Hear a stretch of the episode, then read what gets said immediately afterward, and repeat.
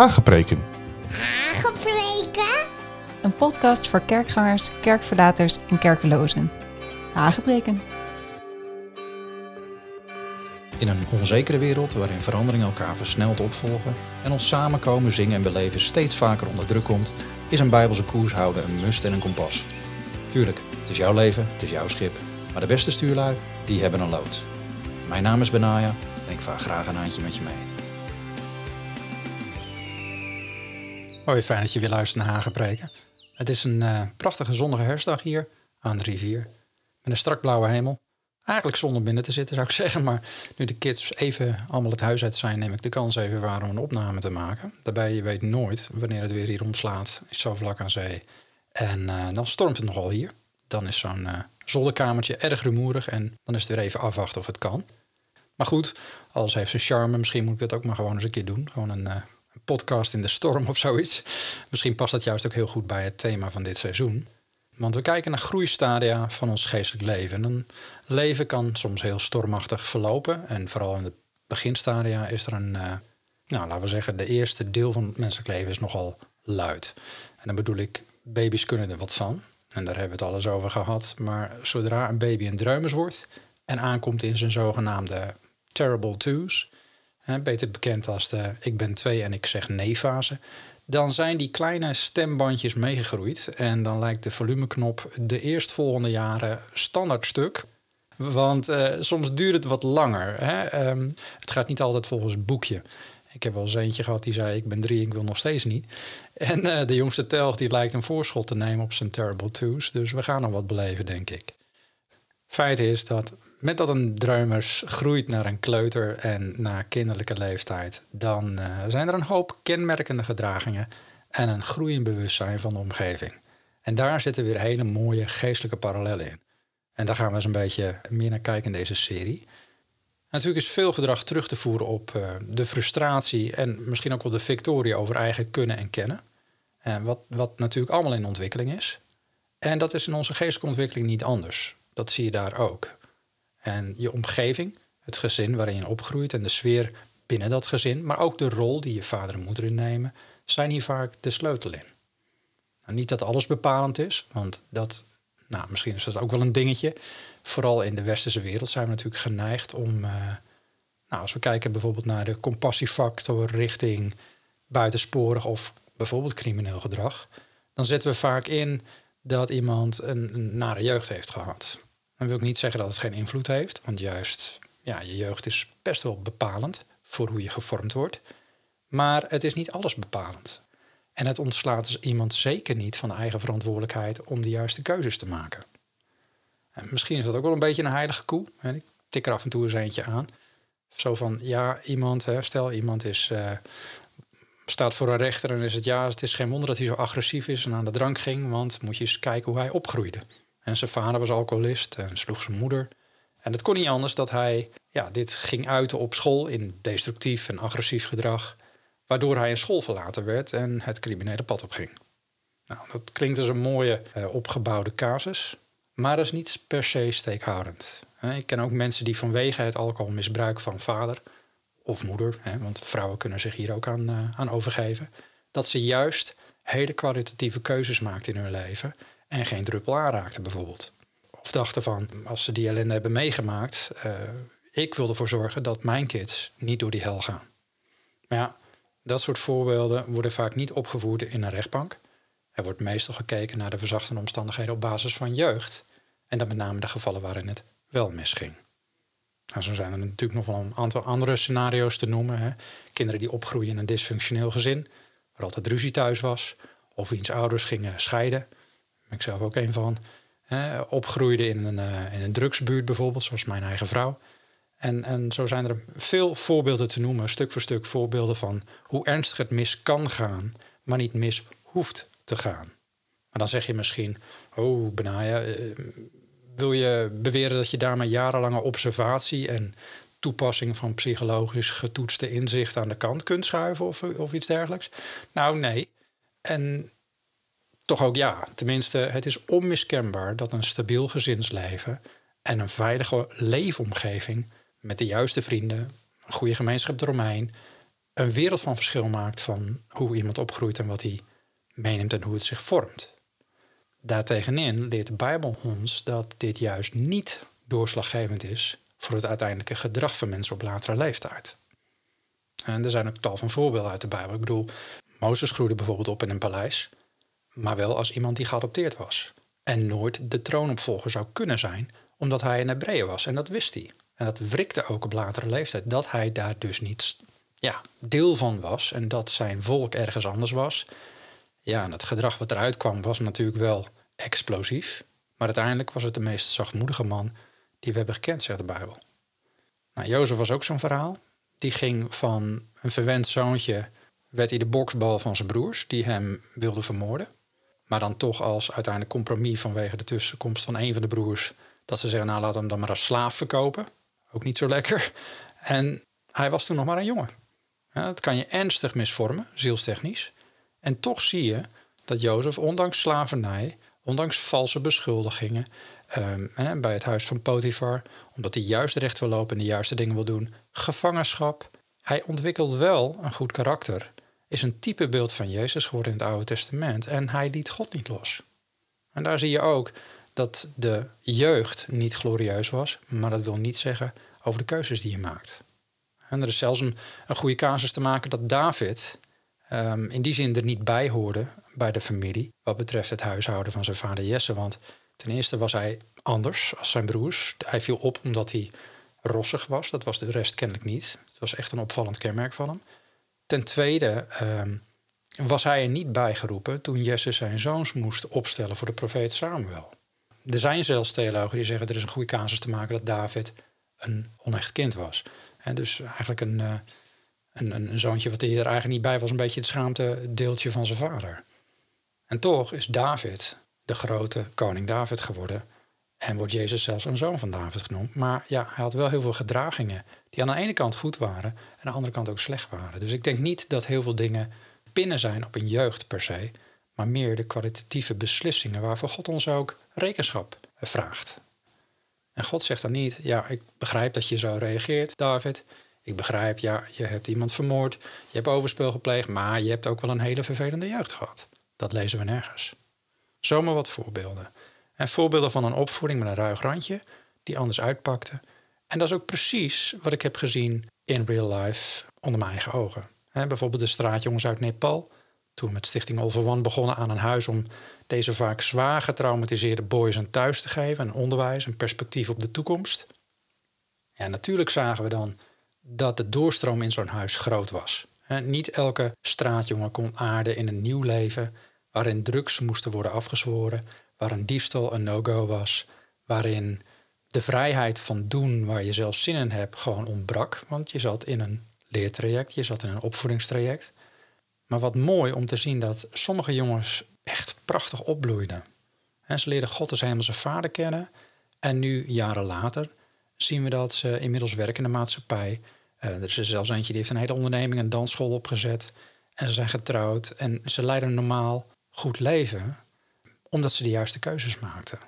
Ondanks het feit dat velen van hen ja, in bittere armoede opgroeiden vaak tot moes geslagen werden door hun eigen vader. Er is er zelfs een, een voorbeeld van eentje die werd in een jutezak gehangen, boven een vuurtje uitgerookt en ondertussen met een knuppel geslagen. Echt getraumatiseerde jongens die toch goed op de rails komen. Dus het argument van hé, hey, een lelijke jeugd betekent ook een lelijke draai later, ja, geldt gewoon niet altijd. Heel veel dingen zijn keuzes. Sommige op jonge leeftijd ingebouwde afweer- of vluchtmechanismen zijn of waren moeilijk af te leren voor de jongens, maar het was niet een onontkoombaar doemscenario. Een, een karakter ontwikkelt zich soms prachtig, juist ondanks de omgeving. Maar uiteraard is het wel een grote winst als het gezin stabiel is daaromheen en die kleine man of vrouw helpt in het leven te groeien, om het zo maar te zeggen. Want zo kun je het wel een beetje stellen. Je moet erin groeien. Het leven. Moeten we allemaal. En van Johannes leren we ook al wat een gezonde groeiomgeving is voor een kind. Namelijk wat hij zegt in de tekst, die was basisgebruiker voor deze serie, 1 Johannes 2. En ik lees de tekst nog even voor, wat ik waarschijnlijk zal blijven doen zolang deze serie duurt, om het startpunt te markeren van wat we bestuderen. En hij zegt daar: Ik schrijf u, lieve kinderen, want de zonden zijn u vergeven omwille van zijn naam. Ik schrijf u vaders omdat u hem kent, die Heer van het begin is. Ik schrijf u jonge mannen omdat u de boze hebt overwonnen. Ik schrijf u kinderen omdat u de Vader kent. Ik heb u geschreven vaders omdat u hem kent die er vanaf het begin is. En ik heb u geschreven jonge mannen omdat u sterk bent en het woord van God in u blijft en u de boze hebt overwonnen. Uit deze tekst blijkt heel duidelijk dat er een grote winst is voor een gezonde groei, namelijk dat kinderen allereerst moeten weten dat hun zonden vergeven zijn. En zelf denk ik ook dat in het natuurlijke veel van de problematiek die in denken, handel en wandelen is ontstaan, kan worden omgebogen tot iets goeds in plaats van iets onontkoombaar destructiefs, doordat er hoop is en hoop op een ander toekomstbeeld. Hoop dat er juist geen doemscenario is. En dat begint ook bij vergeving. Sterker nog, ik denk dat mensen voor wie wij het kijk naar zijn jeugdargument opvoeren, als verklaring voor denken en gedrag, dat we die niet helpen. Natuurlijk kan ze dat vrijpleiten en in geval van criminaliteit of strafbaarheid zorgen voor een zekere strafvermindering of verzachtende omstandigheden, of misschien een milder oordeel. Maar geestelijk geef je mensen een verkeerd signaal. De persoon kan zich dan juist blijven zien als product van zijn opvoeding of jeugd. En daarmee kan je niet alleen je zonde en gebrek maken van de juiste keuzes goed praten, maar je ondermijnt ook iemands geloof in verandering. En de Bijbel is daar heel duidelijk over naar iedereen, ongeacht je opvoeding. Romeinen 3 staat zo mooi, want alle hebben gezondigd. Alle hebben gezondigd en missen de heerlijkheid van God. En we worden om niets, om niet gerechtvaardigd, staat er door zijn genade, door de verlossing in Christus Jezus. Hem heeft God openlijk aangewezen als middel tot verzoening door het geloof in zijn bloed. Dit was om zijn rechtvaardigheid te bewijzen vanwege het voorbijgaan aan de zonden die eertijds hadden plaatsgevonden onder de verdraagzaamheid van God. Anders gezegd, niemand is zonder excuus.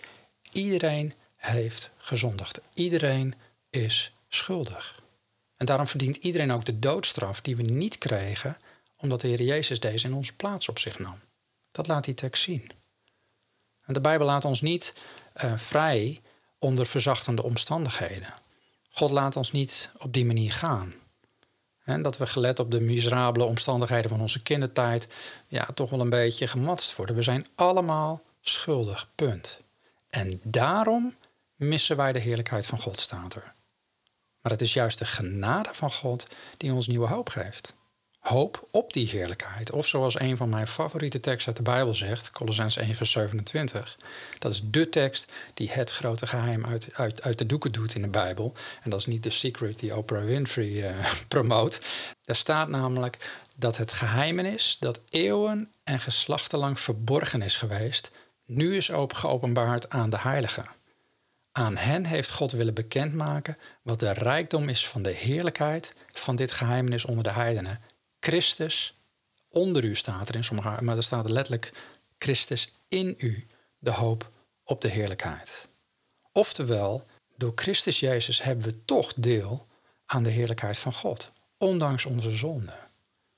Daarom staat er in vers 28, Hem verkondigen wij terwijl we ieder mens terechtwijzen en ieder mens onderwijzen in alle wijsheid, opdat wij ieder mens volmaakt zouden stellen in Christus Jezus. Dan heb je weer die volmaaktheid, die volgroeidheid van Christus. En je ziet dus hier heel duidelijk wat er voor nodig is, ook geestelijk, om mensen te doen opgroeien naar het beeld van de volheid van de Heer Jezus. Ten eerste, niet verklarende of verzachtende omstandigheden communiceren, terechtwijzen. En dat komt van het Griekse woordje noutheteo, wat betekent waarschuwen en aanmoedigen. En van het woordje nous, uh, dat betekent denken. Antithemie is plaatsen. Feitelijk zeg je dus eigenlijk je denken ergens anders op plaatsen of anders op zetten. Precies wat we nodig hebben. Geen bevestiging van ons falend verleden en daardoor een doemscenario voor de toekomst, maar een andere manier van denken. Daar komen we later nog wel even op terug. Maar ten tweede zegt deze tekst ook dat wij mensen hun denken bewust veranderen door onderwijs. En didasco. Ook weer die, die connotatie met je denken op een, een juiste spoor zetten. En dat hebben kinderen in geloof ook nodig. Mensen die hun fijngevoelig binnenbrengen in het reilen en zeilen van Gods koninkrijk en de mindset, de attitude en de daden die daarbij horen. En wat is die mindset? Wat is die attitude, die gezindheid? Nou, daar worden we toe aangespoord. Filippenzen 2 zegt dat ook. Het is de mindset van Jezus. Laat om de gezindheid of het denken in u zijn die ook in Jezus Christus was. En Romeinen 2 vers 12 maakt duidelijk dat dit denken tegengesteld is aan de wereld om ons heen.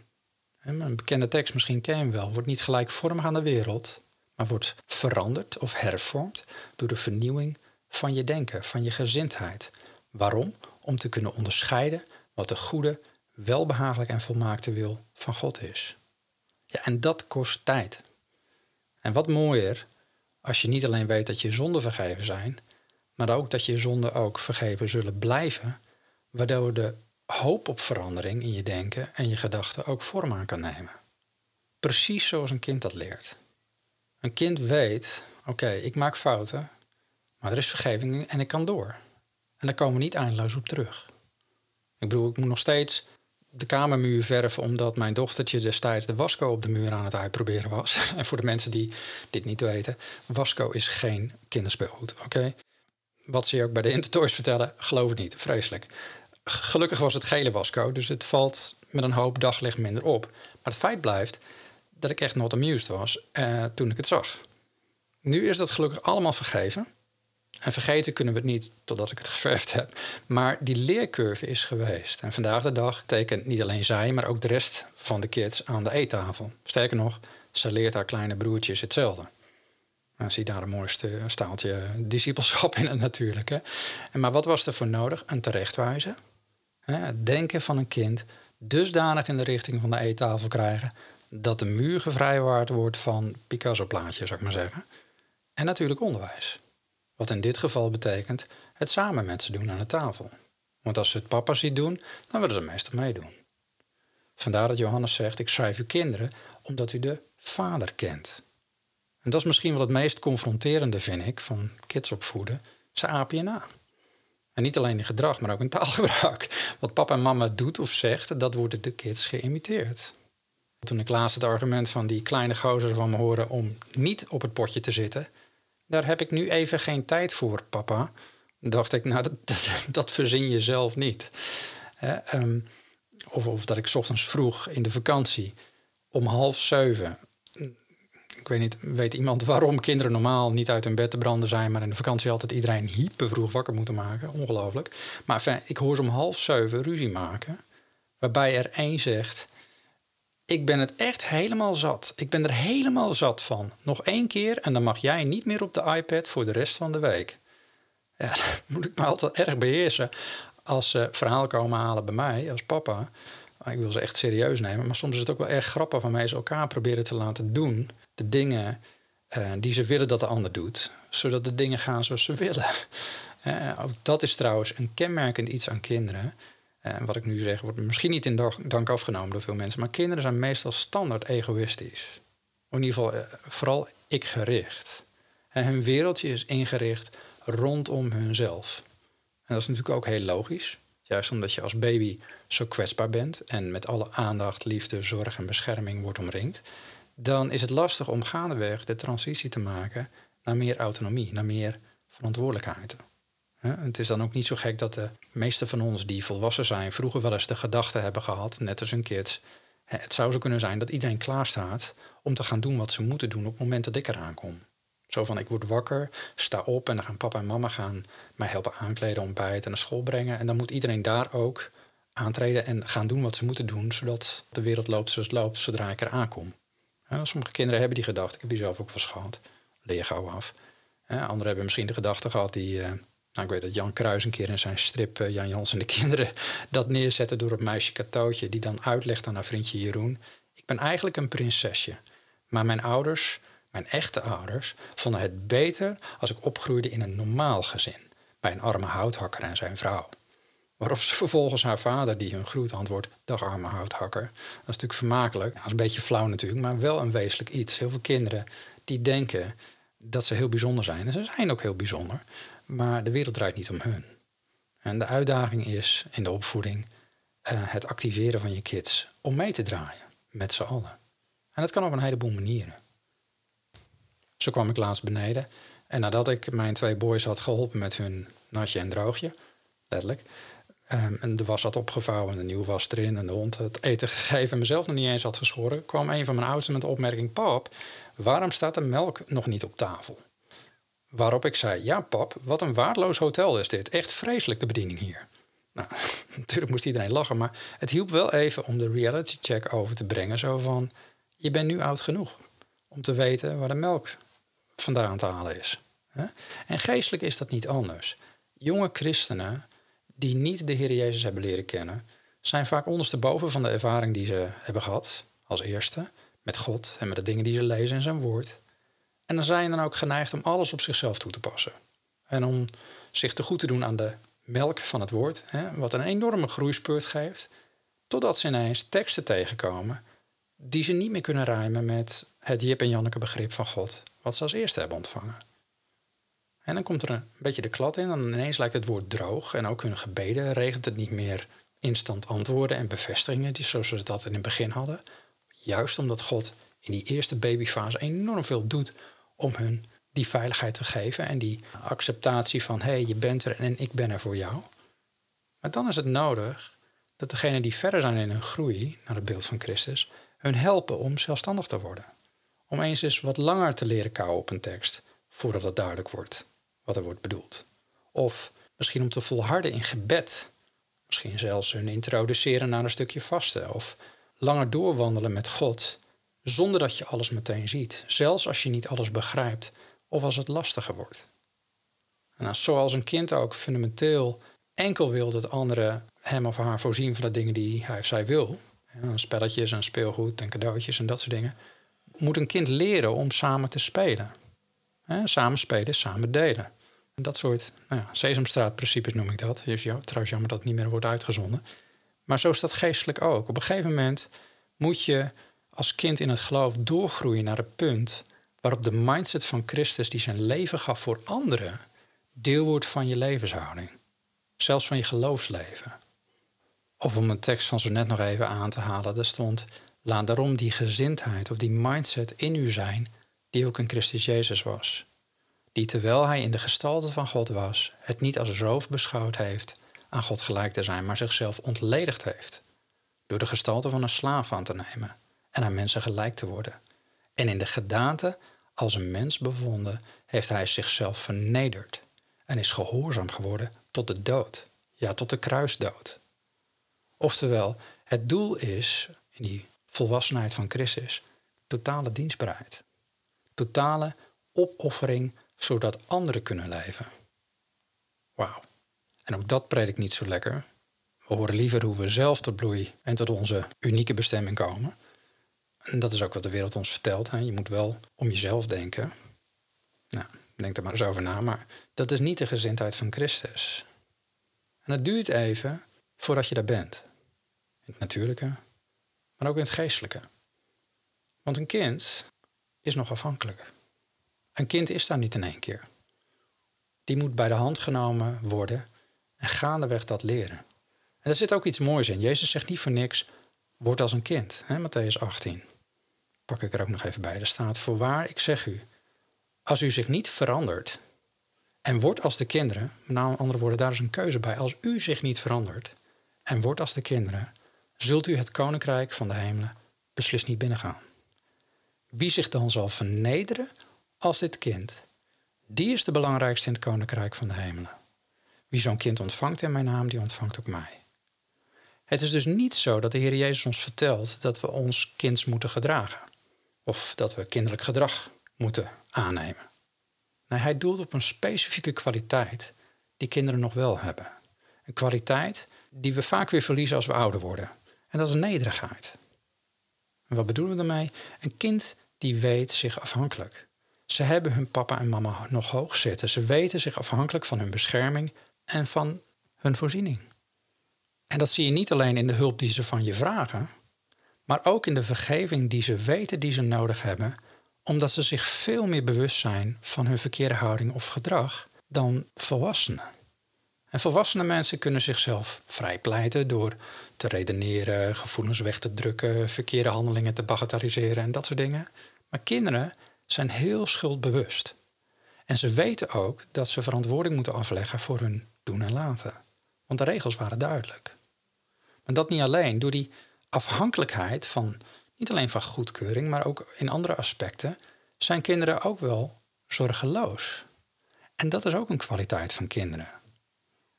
Als ze altijd weer opnieuw kunnen beginnen door die vergeving waar Johannes mee begon in dat tekstgedeelte, dan is er ook vertrouwen.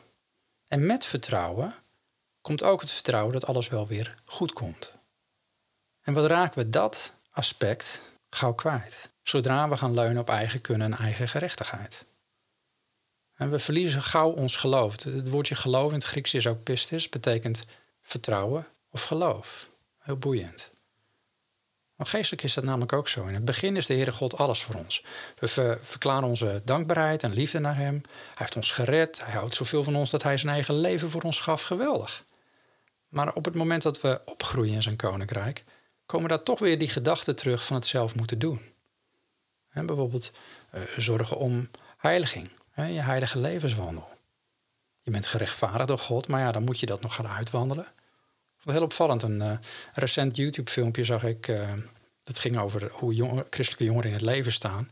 Dat liet zien dat het overgrote merendeel bang is dat ze in de hel terechtkomen. Ik dacht, wauw. Hier mist een stukje discipelschap. Wat, wat is nou de geloofszekerheid die we hebben? En hoe vertaalt zich dat in real life? En hoe wandelen we iets uit vanuit rechtvaardiging in plaats van eigen kunnen, ja, kunnen we dat spoor recht houden? Maar ook dingen als um, zorg om levensonderhoud.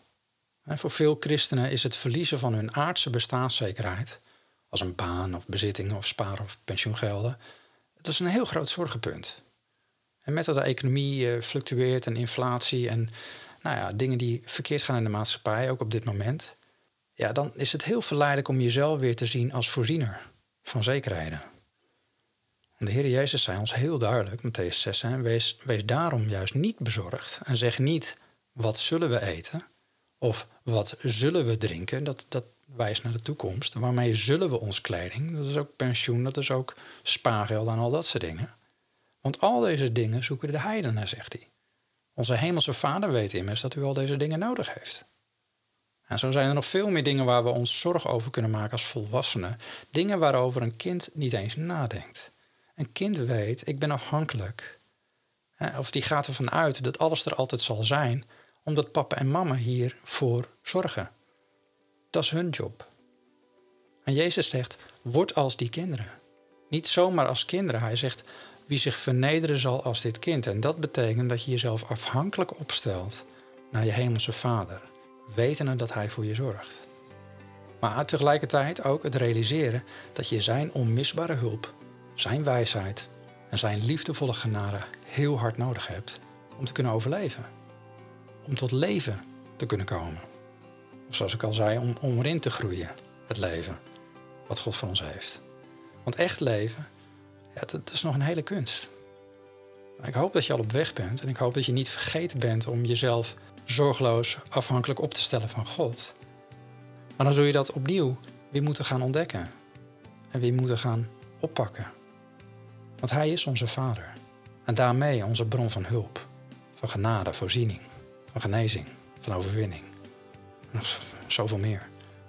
En hoe sneller we teruggrijpen op die kinderlijke mindset, die basisgezindheid die Christus had toen hij zei: De zoon kan niets uit zichzelf doen als hij dat de vader niet ziet doen.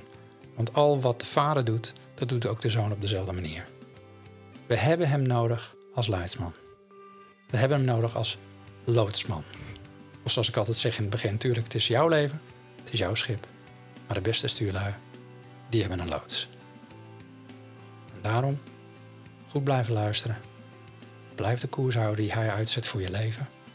En volgende keer navigeren we dan wel weer verder in onze ontdekkingstocht naar meer van die aspecten van geestelijke groei in Gods Koninkrijk. Heb je vragen, opmerkingen of aanvullingen? Mail naar podcast.saintcanine.com. Ik hoop dat deze wekelijkse hagenpreken je opbouwen en bemoedigen en versterken. Je kan deze podcast ook steunen via saintcanine.com, via PayPal of Ideal. Dankjewel.